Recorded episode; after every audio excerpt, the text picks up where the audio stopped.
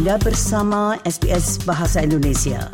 Dapatkan lebih banyak lagi cerita bagus di sbs.com.au garis miring Indonesia.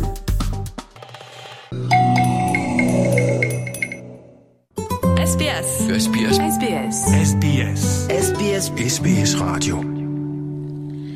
Nah, Anda bersama SBS Audio, program Bahasa Indonesia. Sebagaimana biasa, untuk dengar ulang di podcast atau mengakses wawancara-wawancara serta siaran kami yang lalu, Anda dapat kunjungi situs kami di www.sbs.com.au garis miring Indonesia. Nah, rupanya tamu kami untuk siang hari ini sudah juga berada di jalur, jadi saya akan segera bergabung dengan Profesor Greg Barton, Profesor Research dan Chair Global Islamic Politics di Institut Alfred Deakin Universitas Deakin. Selamat siang, Profesor. Selamat siang, Bu Sri.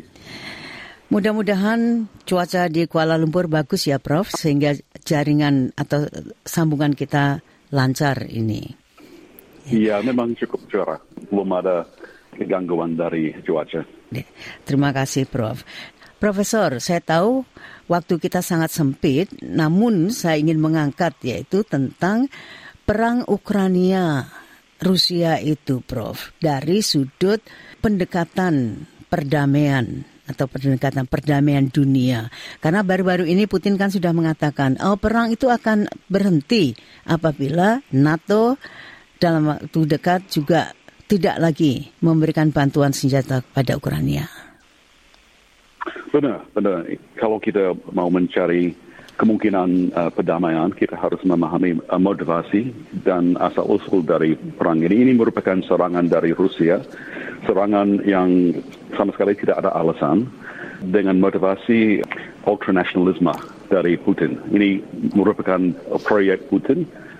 Kelihatan dia punya prasangka terhadap Ukraine, tidak mengakui Ukraine sebagai uh, negara yang benar. Dan dia uh, punya impian bahwa dengan menguasai Ukraina uh, dan memang uh, dari dulu harapannya bisa bisa seluruh Ukraina bisa dikuasai. Uh, sedikitnya uh, pemerintah di, di, uh, diruntuhkan. Dia mau membuat semacam uh, Rusia yang yang lebih akbar yang yang lebih besar.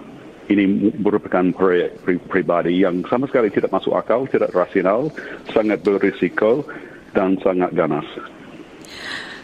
Uh, Profesor, nah baru-baru ini itu kan ada pertemuan juga kan antara Sekretaris Jenderal NATO dengan Presiden Joe Biden itu yang kalau saya mampatkan itu intinya bahwa Sekjen NATO itu mengatakan, oh semuanya berjalan lancar, artinya itu apa yang dilakukan Ukraina itu membuahkan hasil. Nah, apakah demikian, Prof? Ya begini, kalau kita kembali ke tahun yang lalu, bulan Februari dengan, dengan permulaan, ada banyak yang tidak punya harapan bahwa Ukraina bisa bertahan. Tapi uh, kinerja Ukraina memang luar biasa dan uh, mereka sudah membukti bahwa mereka punya kemampuan, mereka punya uh, apa namanya komitmen untuk uh, membela diri.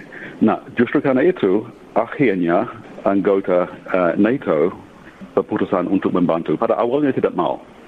Dan akhirnya menjadi jelas bahwa tidak mungkin ada perdamaian lewat negosiasi tanpa ada semacam kemenangan uh, militer. Uh, jadi mau tidak mau, NATO sudah setahun ini berkomitmen pada membantu uh, Ukraina untuk membela diri dan mencapai semacam kemenangan. Mungkin tidak kemenangan yang total, tapi kemenangan yang berarti. Ya. Namun demikian Prof, kalau kita amati Prof misalnya seperti Australia saja misalnya. Australia kan juga masih diharapkan untuk menambah bantuannya misalnya. Nah, apalagi negara-negara yang lain. Nah, itu mm, bukankah ini nantinya akan bertentangan dengan rakyat negara-negara itu, Prof? Sebenarnya enggak. Mau tidak mau, ini merupakan salah satu kasus perang yang yang atau dengan membela diri ya uh, Ukraina punya punya motivasi yang murni dan punya uh, mereka memang dalam keadaan yang sangat sempit tapi mau tidak mau harus membela diri dan dengan membela Ukraina kita juga membela kalau kita bekerja sama dengan Ukraina membela demokrasi dan Eropa yang yang bebas. Secara teknis memang Ukraina belum masuk ke NATO, belum diakui sebagai anggota Anggota NATO. Secara de facto, ya, ini merupakan proyek untuk membantu Ukraina. Memang tidak perang yang langsung antara NATO dan Rusia, tapi yang sudah menjadi sangat jelas, kalau Ukraina tidak dibela, tidak dibantu, memang mereka harus harus membela diri. Tapi kalau kalau kalau dibantu dengan uh, perawatan dan yang diperlunya, persenjataan, uh, bu bukan ya ya memang bukan bukan saja Ukraina yang terancam, uh, mungkin pihak Putin akan akan mencari uh, sasaran yang lain dan ini merupakan ancaman yang eksistensial untuk Eropa yang uh, demokratik itu. Ya, uh, Prof ini ini bukan lucu tapi dari anggota NATO yang mengelilingi Rusia itu negara-negara NATO yang mengelilingi Rusia itu memang dapat saja seperti Profesor katakan tadi mereka akan merasa terancam itu kalau misalkan Ukraina kalah ibaratnya gitu.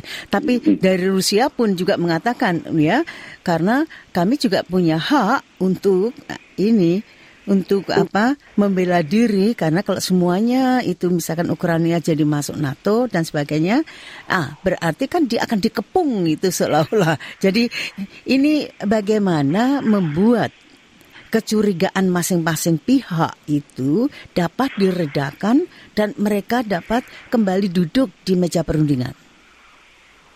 Ya, kalau memang dari awal ada yang bilang bahwa proses perkembangan NATO itu merupakan salah satu alasan mengancam Rusia.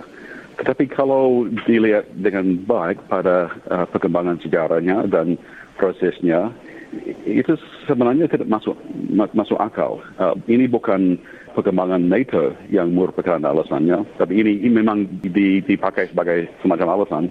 Tapi mau tidak mau, Putin mau menyerang uh, Ukraine sudah sudah coba pada tahun 2014. Uh, tapi tidak tidak ya ya uh, dan Donbass juga, tapi tidak selesai. Kali ini tahun yang lalu Putin punya punya keyakinan bahwa dengan gampang ya, Kiev itu bisa bisa dijatuhkan, pemerintah bisa dijatuhkan, tidak jadi. Uh, perkembangan NATO itu sama sekali tidak ada hubungan.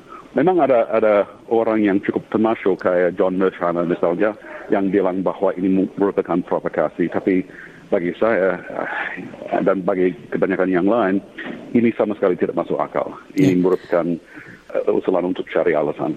Uh, Profesor, tadi sudah me, sudah mengangkat perang itu Crimea itu pada tahun 2014. Nah, memang kan di beberapa daerah itu daerah di Ukraina itu kan memang banyak sekali orang-orang yang menggunakan menggunakan bahasa Rusia atau etnik Rusia. Nah, jadi ini bagaimana caranya supaya mereka itu juga netral? Apakah harus segera diadakan referendum lokal begitu, Prof? Ya, ini sebenarnya cukup rumit.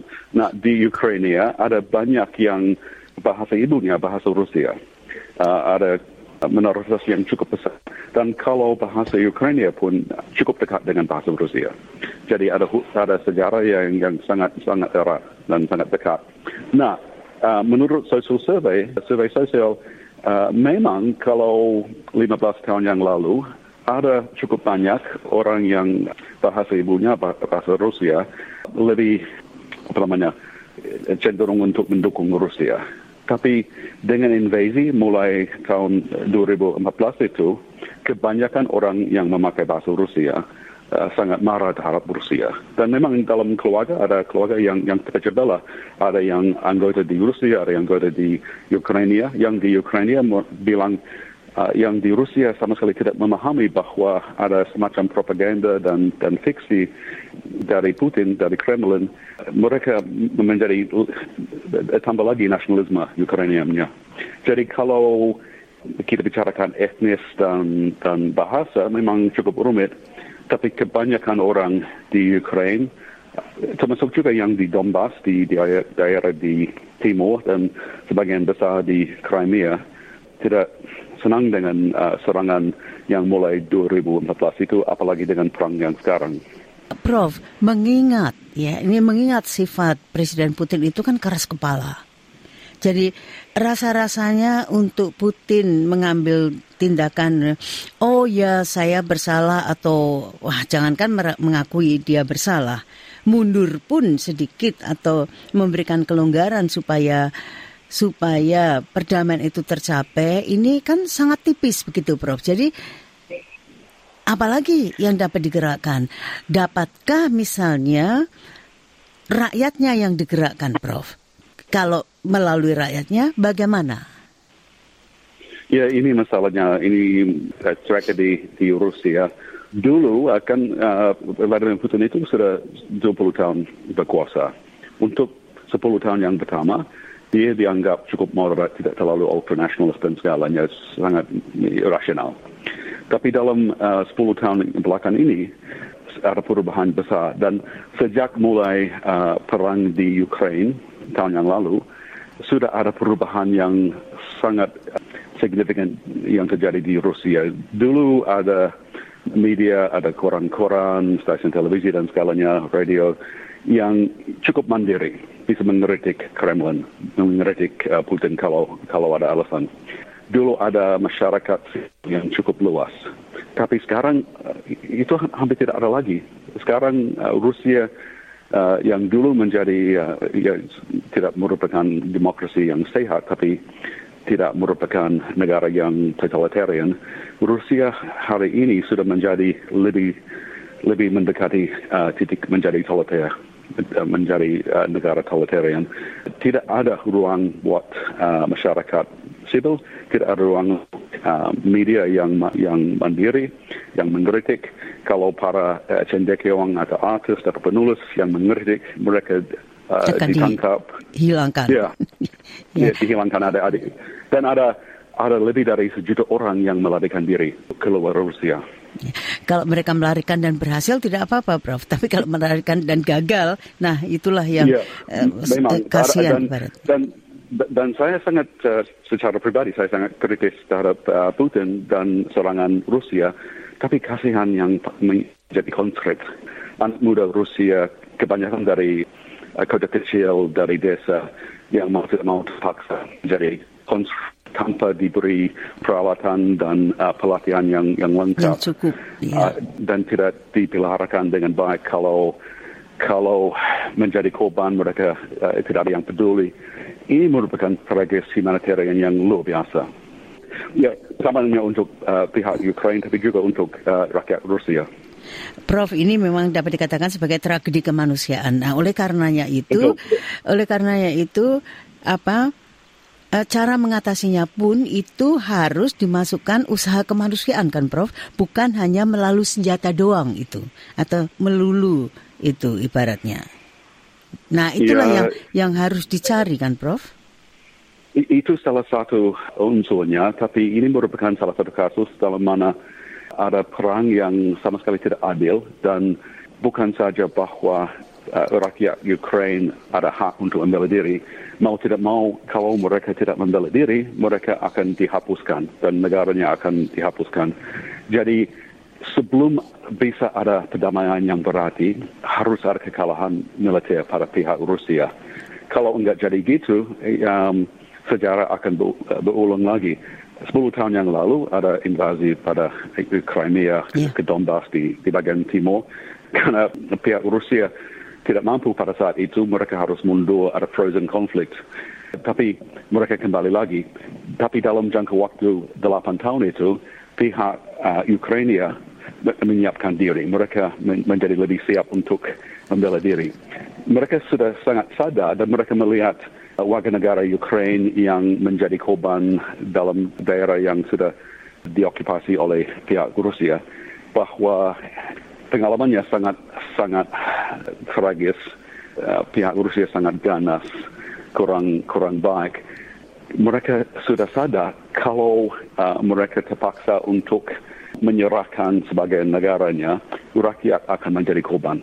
Jadi mau tidak mau mereka harus melawannya gitu. sampai ya, ya melawan sampai akhirnya. Ya.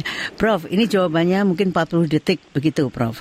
Jadi berapa lama lagi rakyat Ukraina itu harus menunggu tercapainya saat pembebasan mereka itu. Ya, ada kemungkinan sampai pada akhir tahun ini sudah mendapat status frozen conflict lagi. Jadi mungkin pihak Rusia tetap di Donbass di daerah timur, mungkin juga di Crimea. Tapi ada ada kemungkinan uh, bahwa Ukraine bisa menyerang sedikitnya untuk memblokir akses kepada uh, Crimea. Jadi mudah-mudahan sebelum uh, musim dingin pada akhir ya. tahun sudah ada semacam ya mungkin tidak selesai bisa jadi menjadi frozen unresolved ya. Tapi eh, mereka sudah menyiapkan diri untuk jangka panjang. Profesor Greg Barton, terima kasih sekali Bapak atas penjelasannya dan selamat bertugas Bapak. Terima kasih banyak.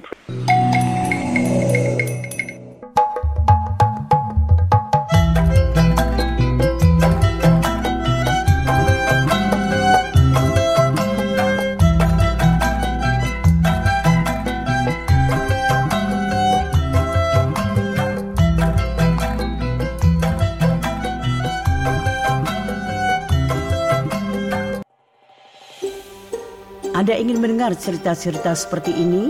Dengarkan di Apple Podcast, Google Podcast, Spotify, atau di mana pun Anda mendapatkan podcast Anda.